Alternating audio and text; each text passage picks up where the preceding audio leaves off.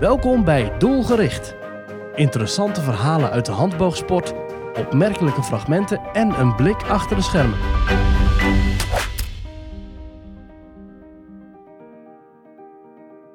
Nou, welkom allemaal weer bij een nieuwe podcast van de Nederlandse Handboogbond. Dit keer in een hele bijzondere setting, mag ik wel zeggen.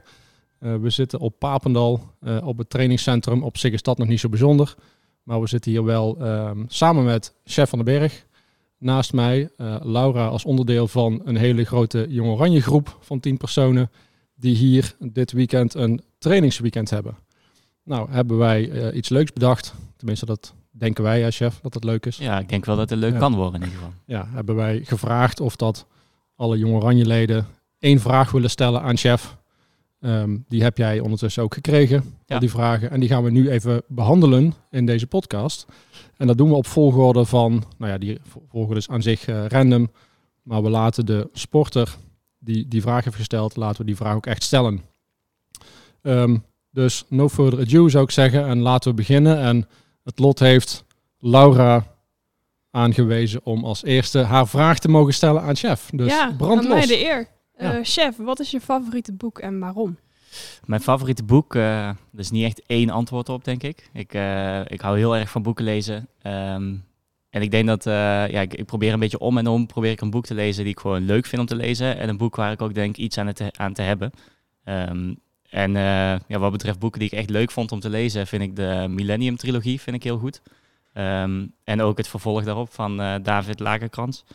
Um, maar wat ik laatst heb gelezen is een boek van Bram Tankink. Uh, Tank heet dat. Dat is een soort van uh, biografie. Um, en er waren heel veel parallellen tussen zijn topsportcarrière en mijn topsportcarrière en hoe die daarin staat. Uh, en dat vond ik super interessant. Dus daar heb ik echt wel veel aan gehad, ook zelf. Um, en dat vond ik ook wel gewoon echt een fijn boek om weg te lezen. Ja. Wat, wat waren die parallellen dan? Dan ben ik dan wel benieuwd naar. Ja, dat, dat uh, in topsport uh, wordt er altijd van je verwacht dat je altijd uh, helemaal tot het gaatje gaat en een soort van zonder compromis altijd voor het hoogste, hoogst haalbare gaat. maar dat het hoogst haalbare is niet voor iedereen hetzelfde. Dus hij heeft eigenlijk nooit echt grote koersen gewonnen. Maar hij vindt zelf toch dat hij een heel geslaagde carrière heeft gehad. Omdat hij wel veel heeft bijgedragen aan het team. En voor zichzelf als, als soort van knecht en, en als ploegleider wel heel veel heeft betekend. Um, en uh, ja, daar, daar, zie ik wel een soort uh, parallel in voor mezelf. Oké, okay, leuk. En je raadt het boek ook aan? Zeker, ja, ja. Ik vind het echt een, uh, echt een goed boek om een keer gelezen te hebben. Oké, okay. leuk. Leuke vraag. En die Millennium Trilogie, ja, je hebt al wat met Scandinavië, hè, chef? Dat... Ja, nou, ik heb een Noorse vriendin inderdaad. En ja, nou is Zweden en Noorwegen niet helemaal hetzelfde, maar je merkt wel die, die culturele, culturele dingetjes, die komen er wel in terug, ja. Ja, nou leuk. Leuke vraag ook. En toch weer iets van chef geleerd, maar ook ja. hopelijk iets, iets meegenomen van want ja, leuk boek. Uh, volgens mij uh, heeft iemand in mijn kennissenkring het boek ook. Dus uh, ook voor mij leuk om een keer te lenen. Ja, en ik heb hem al aan, aan Jacqueline gegeven, een andere coach van ons. Nou. En die, ik neem aan dat hij hem ook doorgeeft aan de rest van de coaches, zodra oh, ze hem uit nou, heeft. Dat, dat komt helemaal goed hoor, ja. wel. Ja, Bedankt Laura. Ja. dan gaan we Robert uitnodigen om zijn vraag te stellen. Is toch wel gemakkelijk hè, zo'n pauzemomentje zo Even in een podcast. Wel, ja, dat ik, klopt. Maar goed, we hebben alle tijd om even te wachten op Robert. Ja. Welkom Robert. Uh, welkom. Um, ik heb nog wel een uitgebreide vraag. Uh, mijn vraag is, wat doe je ermee als jouw coach vraagt je vraagt om een bepaalde techniek bijvoorbeeld aan te nemen en dat je dat zelf niet comfortabel bij voelt, niet meteen na één week bijvoorbeeld, maar nadat je wel een tijdje geprobeerd hebt en van je coach toch moet aanhouden, ben je dan eigenwijs en pak je uh, de manier wat jij fijn vindt of hou je coach aan? Ja, daar is ook niet zo'n heel makkelijk antwoord op. Is ook niet zo'n makkelijke vraag natuurlijk. Uh, maar ik heb daar wel even over nagedacht. Uh, wel een goede vraag. Uh, ja, er is niet echt een makkelijk antwoord op. Je moet daarin toch, denk ik, proberen te communiceren met je coach. Um, en op een gegeven moment dan moet je ook eerlijk naar jezelf zijn. Van, is dit iets wat ik niet wil doen omdat ik niet denk dat ik er ooit beter van ga worden? Of dat ik denk dat ik er nu niet beter van ga worden? Um, ik heb als voorbeeld heb ik even uh, Rick van der Ven. Uh, nou, die kennen de meeste van jullie denk ik wel. Uh, toch een soort van grootheid van de Nederlandse handboogsport.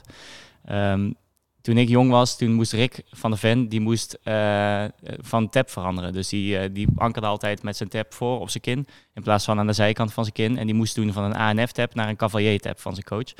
Maar dat ging niet zonder, zonder moeite. Die, die heeft er echt wel moeite mee gehad. Tot op het punt dat wij bij de de RJS, wat nu het RTC is volgens mij. eh, Mhm. stonden te trainen en dat Rick eh, uit frustratie zijn tap tegen de muur aangooide. Eh, en toen was de tap zodanig verbogen dat het opeens wel lukte. nou zeg ik niet, als, je, als je techniek niet lukt, gooi je release tegen de muur aan en dan lukt het opeens wel, want zo werkt het natuurlijk niet. Maar ehm, ja, soms dan voelt het gewoon in het begin niet goed. En dan moet je jezelf afvragen, denk ik dat het in de toekomst wel beter gaat worden? En zo niet, probeer het dan ook te communiceren met je coach. En probeer daar ook eerlijk, eh, niet alleen tegen je coach, maar ook tegen jezelf eh, over te zijn. Dus eh, ja, je hoeft niet meteen ruzie te maken, maar wel dat je wel probeert open te communiceren. Ja, want je moet wel openstaan voor verandering, inderdaad. Ja, ja want ja, je, je bent nu natuurlijk ben je vrij goed, anders dan zit je niet bij Jong Oranje. Ehm, maar ja, er is ook een reden dat je nog geen wereldkampioen bent, zeg maar. Dus er zit nog wel iets tussen. En voordat je daar raakt, zal er nog iets moeten veranderen waarschijnlijk. Dus eh, ja, de vraag is of je dat dan zelf moet gaan doen of in, in samenwerking met een coach. Denk ik. Ja, we hebben, kijk, we hebben die momenten eigenlijk die Robert hier schetst vaak ook zelf gehad als chef. Ik bedoel, ook, ook wij twee, jij in je rollen schutter en ik als coach. Ehm, en ik herken wel wat je zegt. Op, ja, wij proberen als coach proberen we een sporter te pushen. En dat zal ook in jouw geval eh, eh, gebeuren of gebeurd zijn, Robert. Mhm. Ehm, met, alle, ja, met alle goede bedoelingen natuurlijk. Hè? Want uiteindelijk wil je dat iedere sporter beter wordt. Dan heb je daar een bepaalde visie over. Maar op een gegeven moment moet je kunnen merken van ja, dit gaat hem wel of niet worden. En de feedback die je van de sporter krijgt, die is wel heel belangrijk daarin. Dus geef die feedback ook, maar zorg wel dat die constructief is. Ja, en het is inderdaad ook, eh, want alle veranderingen zul je in het begin niet prettig vinden namelijk. Dus daarom is het ook meestal zo van, je moet het eigenlijk altijd wel even proberen inderdaad. En Ja. er wel voor openstaan. Zeker, ja. En ik denk ook dat je moet eh, een punt bereiken waar je kunt uitleggen aan je coach waarom iets niet werkt of waarom je denkt dat iets niet werkt. Dat je in plaats van dat je alleen maar zegt, ja, ik denk dat het niet goed voelt. Dat je ook kunt zeggen, het voelt niet goed, maar ik merk ook dat mijn schouder of mijn, mijn arm of dat ik last heb van dit. Of, eh, dus dat je ook voor jezelf al hebt bepaald van, ik denk dat het hierom niet werkt. Want dan weet je ook zeker dat het iets is eh, waar een onderbouwing achter zit en dat je niet zomaar op gevoel afgaat. Ja, inderdaad. Oké, dankjewel. Goeie vraag. Dus Ja, goed, ja, antwoord, goed vraag. antwoord ook, eh, Robert. Zeker. Dat eh, antwoord was inderdaad eh, niet lekker kort of zo, maar het was goed over nagedacht en over Mantra. gepraat. Fijn. Goed om te horen. Ehm, hopelijk hebben we er allemaal wat aan. Ehm, en dan mag jij terug naar jouw stoel buiten deze podcastbubbel. En dan ga je vragen of Fleur deze kant op wil komen voor haar vraag. Toch misschien een wachtmuziekje of zo. eh. Ja, dat is misschien wel goed. Nou, we kunnen wel eens een liedje zingen eh, als eh, de pauze valt. Misschien wil Fleur een liedje zingen eerst. Nee, dank Toch je. niet? Oké, Nee. nou. Welkom Fleur, eh, ook binnen deze podcastsetting. En we zijn benieuwd naar jouw vraag. Ehm, ja, merk je verschil met het cheaten als je een tijdje minder of geen krachttraining hebt gedaan? Ja, zeker merk ik eh, verschil. Ehm, als je heel veel krachttraining doet, eh, en heel veel eh, vind ik dan eh, drie à vier keer in de week, dan, dan heb je echt wel een soort van spierpijn en dan heb je echt wel ja, zure schouders en armen meestal. Ehm, en als je dan even geen krachttraining doet, dat is het lekkerste wat er is. Dan, dan schiet je super fijn, want dan heb je wel nog het effect van de krachttraining. Dus dan heb je wel die stabiliteit en die, die krachtige schouders nog. Maar na een tijdje, dan heb je dat ook weg. Dus het is, ja, je moet daar een beetje een balans in vinden. Ehm, ik merk als ik langer geen krachttraining doe, dat op een gegeven moment, da- dan voel ik gewoon dat ik niet meer zo krachtig en niet meer zo stabiel onder de boog sta. Dus eh, ja, daar, eh, daar zit een soort tijd, eh, tijdvak zit erin. Dus eh, ja, alleen maar de hele tijd heel hard krachttraining doen, dat is ook niet super goed voor je techniek. Maar als je af en toe een momentje hebt van eh, zeg een week waarin je het niet doet, dan merk ik dat ik daar heel veel profijt eh, uit kan halen. Oké. En we, we, hebben ook nog het voorbeeld, hè, dat, daar was je ook bij, chef, dat Mike Slusser nog hier in het programma zat. Ja. Daar zijn we er bijvoorbeeld achter gekomen dat hij heel lekker ging op eh, dagen dat hij juist net die krachttraining had gehad. Ehm, heel vreemd eigenlijk, want dat verwachten we zelf eigenlijk ook niet. Maar hij zei, ja, ik vind het gewoon prettig om ja, die spierpijn te voelen in mijn spieren, want dan heb ik in ieder geval gevoel. En als ik dat, ehm, ja, als ik zeg maar een tijdje dat niet heb en ik voel me heel ontspannen, dan heb ik ook geen heel fijn gevoel in mijn armen. Nou is dat niet per se, dan is het zo voor iedereen, hè, want voor chef is het heel anders. Maar ja, ga ontdekken wat voor jou of wat voor jullie die route is. Hè, hoe past dat het beste in mijn eh, voorbereiding? Ja, krachttraining hoort nou eenmaal bij topsport. Hè, dat zul je moeten doen als ondersteuning om uiteindelijk ehm, nou ja, ook binnen het boogschieten eh, echt goed te worden. Maar ja, je moet dat spel gaan spelen met jezelf, met je eigen lijf en de resultaten die uiteindelijk eh, op de wedstrijd moeten komen. Dus eh, nou ja, goed, dat ga je vanzelf ontdekken. Ja. En daarin betekent ook niet per se dat als je je comfortabel voelt, dat dat dan het beste is. Want eh, soms dan voelt het even eh, niet zo prettig. Maar dan kan het wel zijn dat je daarmee het beste schiet. Dus ook daar moet je dan nog even ja, je eigen weg in zoeken. Oké. Goed antwoord, Fleur? Ja. Fijn. Dan gaan we jouw eh, collega hierheen halen. Stef heeft de volgende vraag. Stef is weer een compound schutter. Stef, chef. Er is maar één letter verschil. Even verwarrend, Ja. maar ik denk dat we er wel uitkomen. Ja, dat denk ik ook. Moet lukken. Dat denk ik ook. Stef, welkom. Wat is jouw vraag? Eh, mijn vraag voor chef was, eh, op welke manier ga jij om met wedstrijdspanning? Omdat dit voor mij een van mijn grotere valkuilen is tijdens wedstrijden. En, en op welke manier ervaar je wedstrijdspanning dan? Ehm, ik heb vooral in de finales dat eh, op het moment dat het spannend wordt, de scores gelijk staan, dat ik eh, fouten ga maken omdat ik te over mijn schoten na ga denken. Ja, wat, wat voor mij dan, eh, wat ik, ik herken dit wel. Ik heb natuurlijk eh, zelf ook wel eens eh, dat soort foutjes gemaakt. En nog steeds wel af en toe. Ehm, dus wat ik meestal doe in de trainingen voor een wedstrijd, is dat ik een paar vaste dingen zoek in mijn techniek waar ik dan de aandacht op leg. Dus als ik bijvoorbeeld voor een wedstrijd denk van, ik, ik ga waarschijnlijk tijdens de wedstrijd, ga ik proberen dingen te veel te controleren, want ja, dat zit gewoon in mijn aard.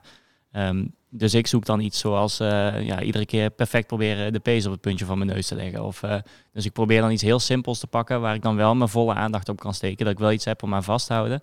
Ehm, zonder dat ik dan vervolgens ga nadenken over, ik moet ook precies de balans tussen voor en achter goed hebben. En eh, de, de spanning in mijn voorhand moet perfect zijn. En, dus ja, probeer het dan simpel te houden en probeer een paar dingen te pakken waar je aan vast kunt houden. Dus niet, niet tien, maar, maar één, twee of drie dingetjes. Ehm, en als je daar dan voor je volle aandacht aan kunt besteden, dan scheelt er een hele hoop met, eh, ja, met de spanning die, die je ervaart. Tenminste in mijn ervaring, maar dat is natuurlijk voor iedereen ook weer anders. Ja, en, en chef, is het zo, die spanning aan zich, hè, die heb je vroeger gehad, maar heb je nu nog steeds. Eigenlijk gaat die niet weg. Hè? Het gaat meer de manier hoe dat je ermee omgaat, die verandert. Ja, en, en je kunt op een gegeven moment kun je relativeren. Kun je zeggen, ja, ik ben wel gespannen, maar waarom eigenlijk? Ik bedoel, het is niet eh, alsof mijn leven ervan afhangt dat ik nou deze pijl in de 10 schiet. Ehm, en het is niet dat ik een minder mens ben als ik hem in de 9 schiet. Dus eh, je moet ook een beetje voor jezelf eh, proberen te achterhalen van waarom voel ik die spanning en is dat dan wel nodig? Ehm, maar dat is niet iets waar je van de een op de andere dag eh, zult, zult leren. Dat is iets waar je, ja, daar gaat tijd overheen. En ehm, ja, je, je wordt op een gegeven moment rustiger in wedstrijden, maar je zult altijd toch een soort spanning ervaren. Zelfs, ik denk dat Steve een goed voorbeeld is van iemand die juist die spanning wil ervaren, omdat hij daar heel lekker op gaat. Ja. Dus wedstrijdspanning hoeft ook niet slecht te zijn. In principe is, is als je gespannen bent voor iets, dat is eigenlijk een soort overlevingsmechanisme. Ehm, ja, als jij eh, in de oertijd achterna gezeten was door een uh, sabeltandtijger, zeg maar, dan voel je ook spanning. Maar dat was een goed iets. Ik bedoel, eh, ja, als je gespannen bent, betekent dat je net even iets meer eh, zou kunnen concentreren. En net even iets meer alertheid hebt. En, dus je kunt het ook zien als een goed iets en je kunt het ook in je voordeel gebruiken. Oké, dankjewel. Goed antwoord ook, Ja, denk ik wel. Ja, ook, ook dit is een onderwerp waar we misschien nog wel een uur over kunnen praten natuurlijk. Heel veel uit kunnen halen. Ik denk het wel, ja. Maar, eh, maar voor nu een mooi, eh, mooi antwoord, eh, chef. Bedankt. Bedankt, Stef. En dan vragen we Veerle om op de stoel te komen te zitten. Veerle, welkom. Veerle, jouw vraag aan chef. Ehm, hoe ga je om met je zenuwen tijdens een wedstrijd? Ja, dat is eigenlijk een beetje hetzelfde als de vorige vraag. Ehm, ja, spanning en zenuwen liggen ongeveer in elkaars eh, verlengde wel.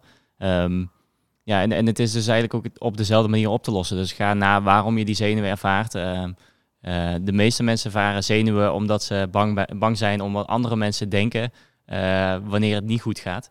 Maar dat maakt eigenlijk helemaal niet zoveel uit. Want eh, als je een keer wat minder schiet, dat kan gewoon gebeuren. Hè? En probeer dan vooral dus eerlijk te zijn naar jezelf en te denken waarom ging het nou wat minder?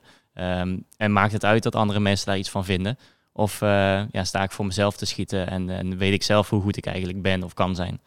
Dus eh, ja, dat, dat zou mijn, mijn toevoeging nog zijn op de vorige vraag, denk ik. Want Ja. die sluit wel heel erg op elkaar aan. Ja, het zijn, zijn inderdaad, zitten in dezelfde bandbreedte. En is het zo, eh, chef, uiteindelijk, ja, die spanning en die zenuwen, dat is misschien wel waarom je uiteindelijk topsporter eh, wil zijn of waarom je die competitie wil doen. Het is niet af te schakelen. Hè. Je kunt ook wel denken van, nou, stel dat ik nu nooit zenuwen of nooit spannen, spanning heb en ik ga die wedstrijden schieten. Ja, hoeveel is er dan eigenlijk nog aan? Ja, dan, dan- dan- kun je ook gewoon gaan trainen, toch? Ja, en eh, dus, dus ja, omarm het ook. Weet dat het komt, weet dat het er is. En ga gewoon ja, genieten van die momenten, hoe oncomfortabel ze ook voelen. Eh, maar op den duur is dat iets waar je ja, echt voor kan leven. Dat je weet van nou, dan komt die allergrootste wedstrijd eraan. Dat EK of dat WK of wat het dan ook gaat zijn. En dan weet je gewoon als het op een gegeven moment, als je daar naartoe moet, dan weet je dat die spanning komt. En uiteindelijk is dat wel iets wat, wat heel leuk kan zijn.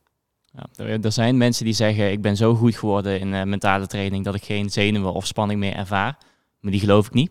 Nee. en als dat wel zo is, dan uh, ja, denk ik niet dat ik tot op dat punt zou kunnen komen of zou willen komen. Want uiteindelijk is dat toch inderdaad wel een beetje waar je voor, waar je voor traint, toch? Dat je een wedstrijd gaat schieten en dat het juist een beetje spannend is. En dat je juist achteraf kunt zeggen van, zo, dat heb ik toch weer gedaan. Goed antwoord, Vele? Ja. Blij mee? Gelukkig. Nou, doe je voordeel ermee en dan mag uh, Mary Ann deze kant op komen voor haar vraag. Welkom, Marianne. Hoi. Hoi. Jouw vraag aan chef. Uh, ja, mijn vraag is: van welk moment heb je op mentaal gebied het meest geleerd en waarom?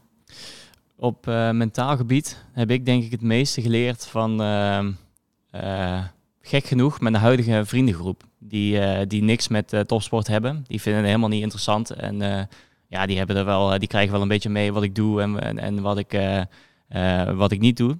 Maar als ik dan een wedstrijd geschoten heb en ik, uh, ik uh, kom bij iemand thuis en uh, het is gezellig, dan vragen ze wel hoe ging de wedstrijd. Dan zeg ik of goed of niet goed. En dan zeggen ze of geven ze compliment of ze zeggen, ah oh, jammer man. En dan gaan we door naar de, de orde van de dag.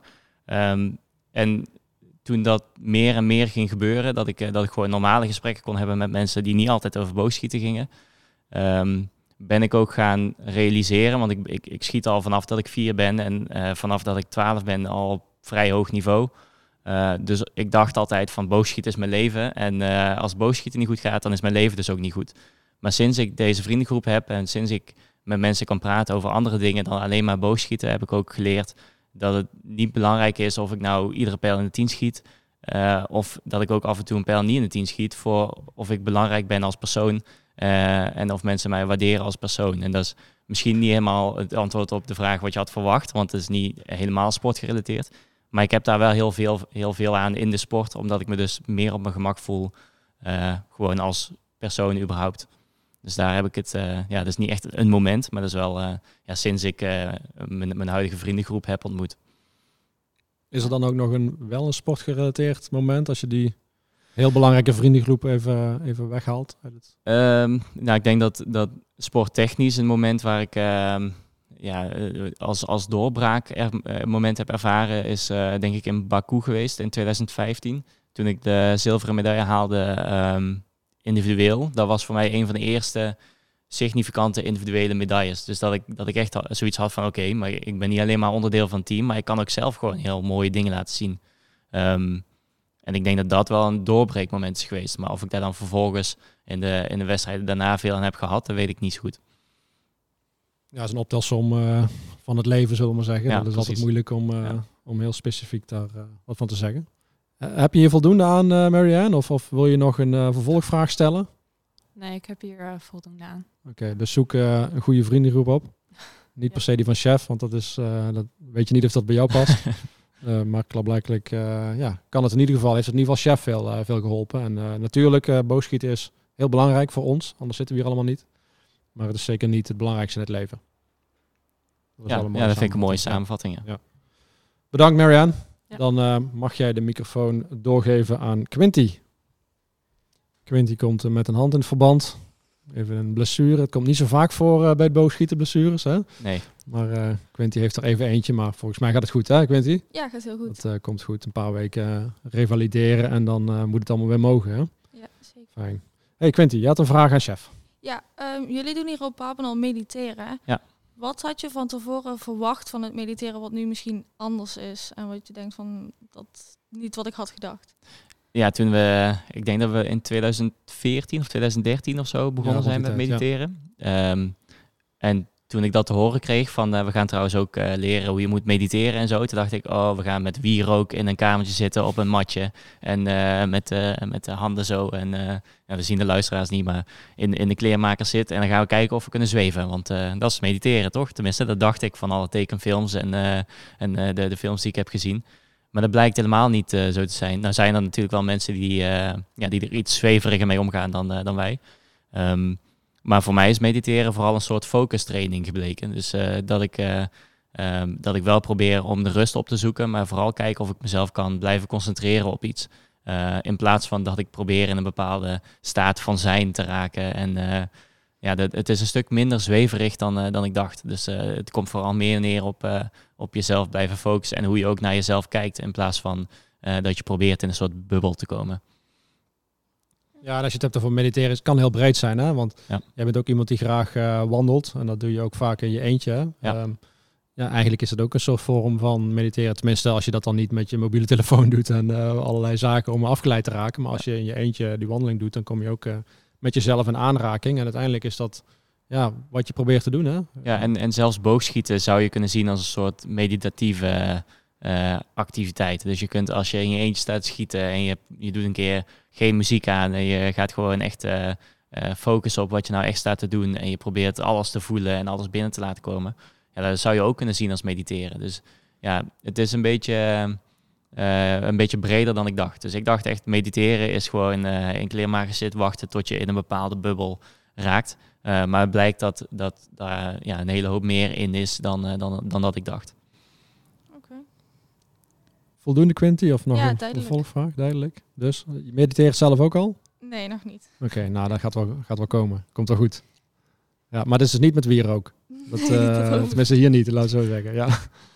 We zijn ook nog nooit aan de ayahuasca gekomen, dus... Uh... Nee, nee, nee, nee. Quinty, bedankt. Uh, Jay mag naar voren komen. Die mag zijn vraag stellen. Welkom, Jay. Hallo, dankjewel. Uh, mijn vraag is, uh, hoe bereid je je samen met je coach voor uh, op een finale ronde, op een wedstrijd? Ja, ik, ik bereid me samen met mijn coach voor eigenlijk zoals ik me voor de rest van de wedstrijd ook voorbereid. Dus ik probeer, net zoals ik al met, met Stef had, had gepraat, over hoe je zoekt naar een bepaalde, bepaalde aandachtspunt. Um, die probeer ik dan te communiceren met de coach. En, en dat we van tevoren zeggen van oké, ik wil tijdens de finale rondes wil ik het horen of ik dit fout doe. Of, of ik wil juist niet horen als ik iets fout doe, maar ik wil alleen maar horen waar de pijlen zitten. Ehm, maar ook hier is communicatie super belangrijk. Dus ik, wat, voor mij het belangrijkste is tijdens zo'n finale ronde, ik bedoel, boogschieten uh, kan ik wel een beetje. um, en de, de coaches die, die hoeven dan op dat moment alleen maar gewoon te zeggen wat ik op dat moment wil horen of, of zou moeten horen.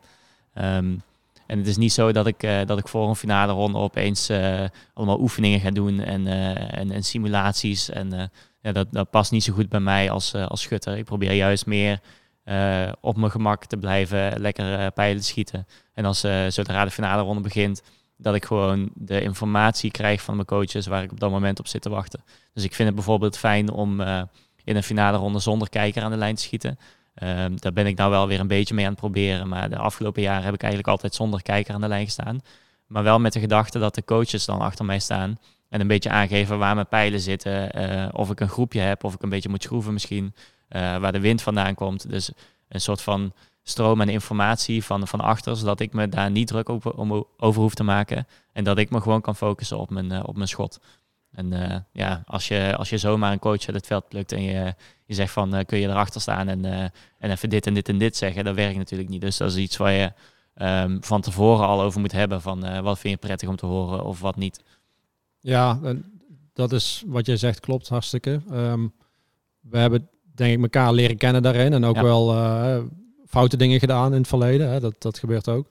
Maar het belangrijkste bij een finale ronde is ook voor jou, Jay, dat uiteindelijk gaat je hoofd natuurlijk vol zitten met, uh, met ja, die zenuwen en die spanning, uh, waar we het al eerder over hebben gehad.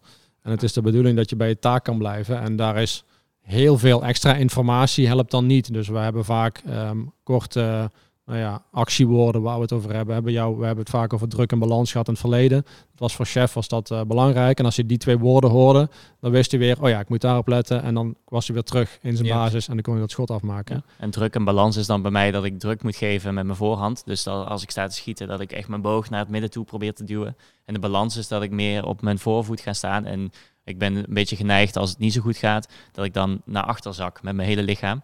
Ja. uh, en dus op mijn hakken terechtkom met mijn evenwicht. En ik moet juist een beetje met mijn tenen in de grond uh, blijven staan. Dan, dan ja, schiet ik wat, wat strakker, wat aanvallender. Um, maar ja, misschien is dat voor, voor iemand anders wel weer heel anders. Dus dat bedoel ik met, ik kan niet zomaar Ehm, of Ron die kan ook niet zomaar tegen iedereen hetzelfde zeggen als hij achter een schutter staat. Zoals ik ook niet zomaar een coach kan vragen of die even erop kan letten dat ik alles goed doe. Want die weet helemaal niet waar hij op moet letten. Dus dat is vooral eh, wat je voor een finale ronde kunt en moet doen, denk ik.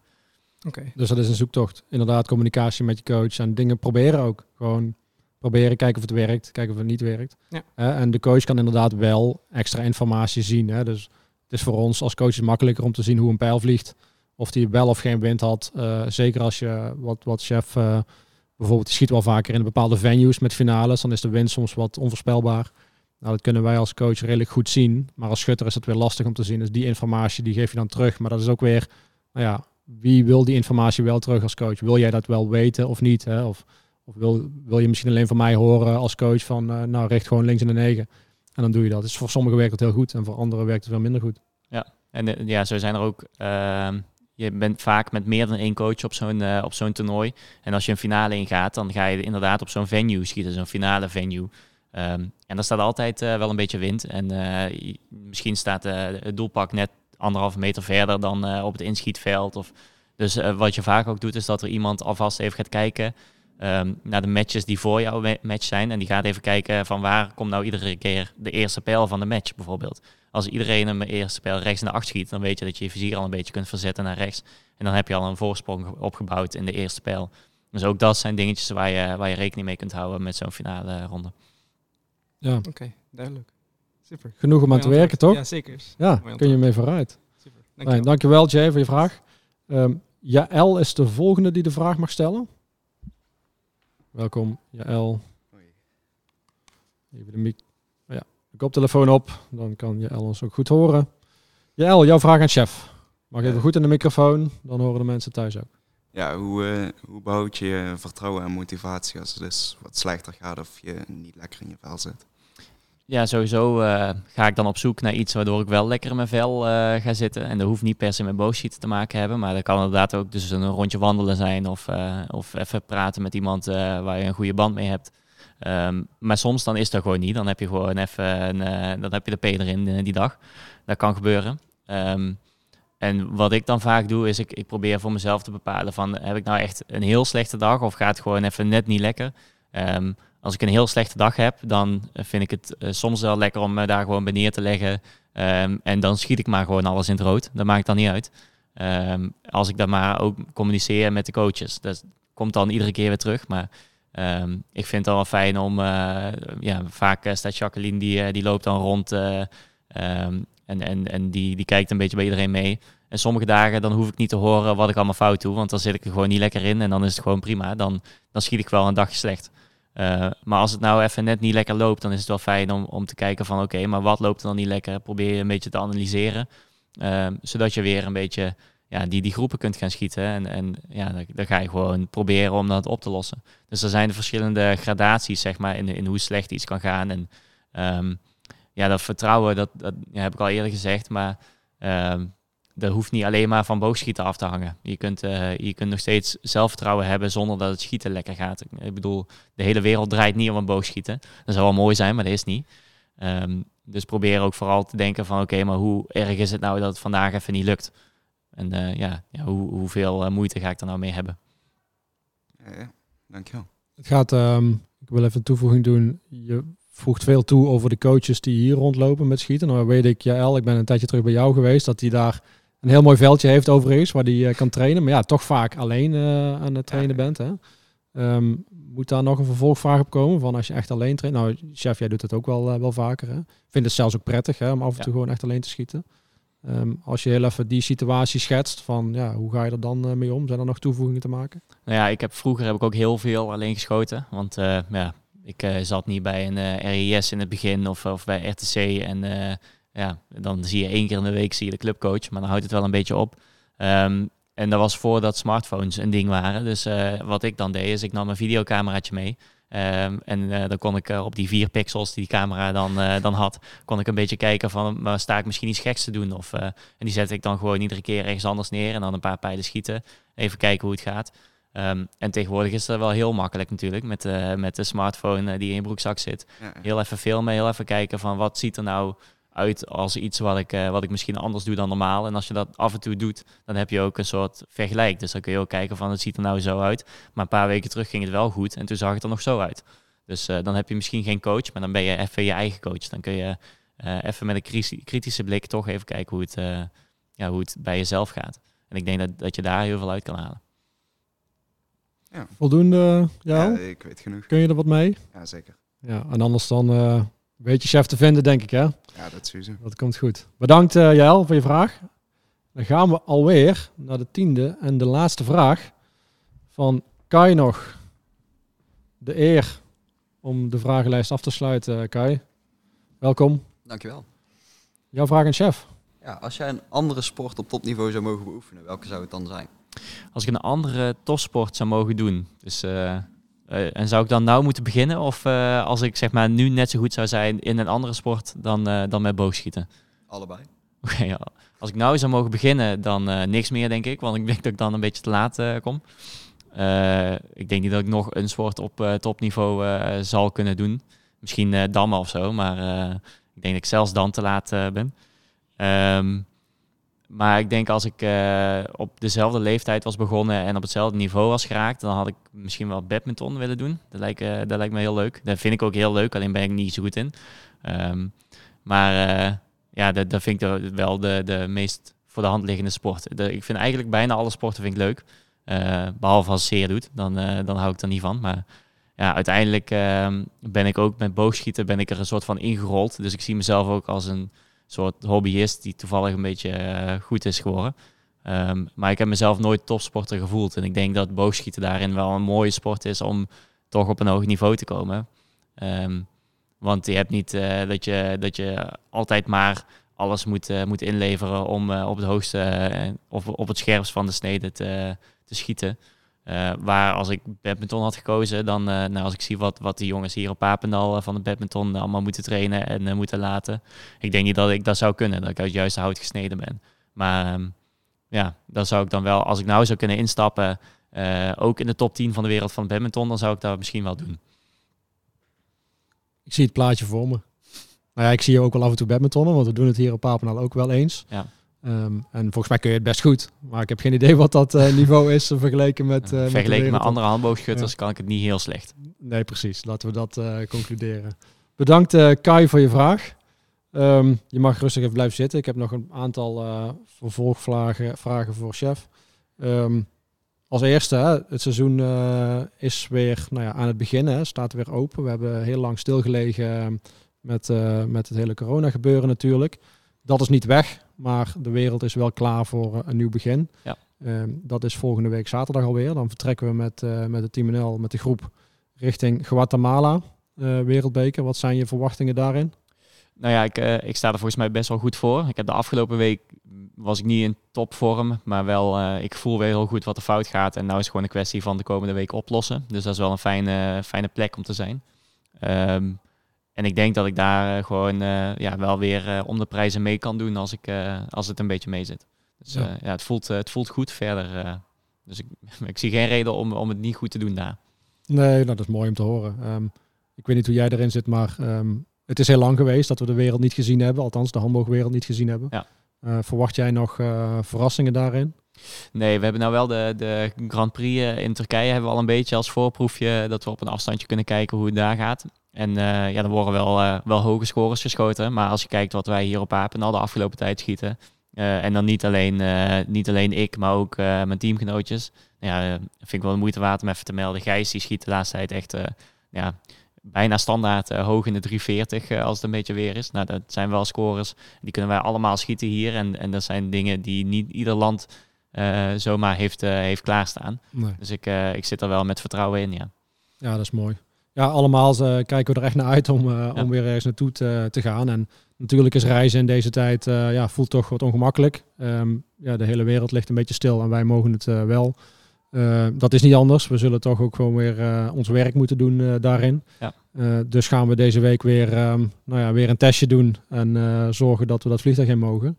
En dan gaan we die, die reis doen en hopelijk nou ja, klopt jouw voorspelling en kunnen jullie daar mooie successen behalen. Ik ben meestal ben ik best goed de eerste wereldbeker van het seizoen. En aangezien we nou heel lang hebben gehad, ben ik misschien nog wel beter. Wie weet, ja, ik, ik mag het hopen. We weten het over twee weken. Uh, bedankt chef dat je de tijd vrij wilde maken om, uh, om dit te komen doen hier op Papendal. Um, hele leuke vragen gehad van de sporters. Hele goede antwoorden, denk ik. En um, nou ja, ik hoop dat uh, de luisteraar het ook interessant heeft gevonden. Um, en er wat aan heeft gehad. En mochten jullie als luisteraar denken van... hé, hey, ik heb ook nog een, een leuke vraag voor deze podcast. Niet per se aan chef, dat hoeft niet, mag wel. Maar in het algemeen Stuur die dan ook naar, uh, naar de bond via de kanalen. Uh, dat kan via de social media, dat kan via e-mail of dat kan met de telefoon. We zijn allemaal bereikbaar daarin. Um, en zou het leuk vinden om die feedback te krijgen, zodat wij van daaruit weer mooie nieuwe onderwerpen kunnen maken voor deze podcast. Ja, zeker. Dan dank ik jullie, Kai nogmaals en de rest van de groep. En dan gaan wij hier verder te trainen. En chef, dan wens ik jou een prettig weekend. Komt goed.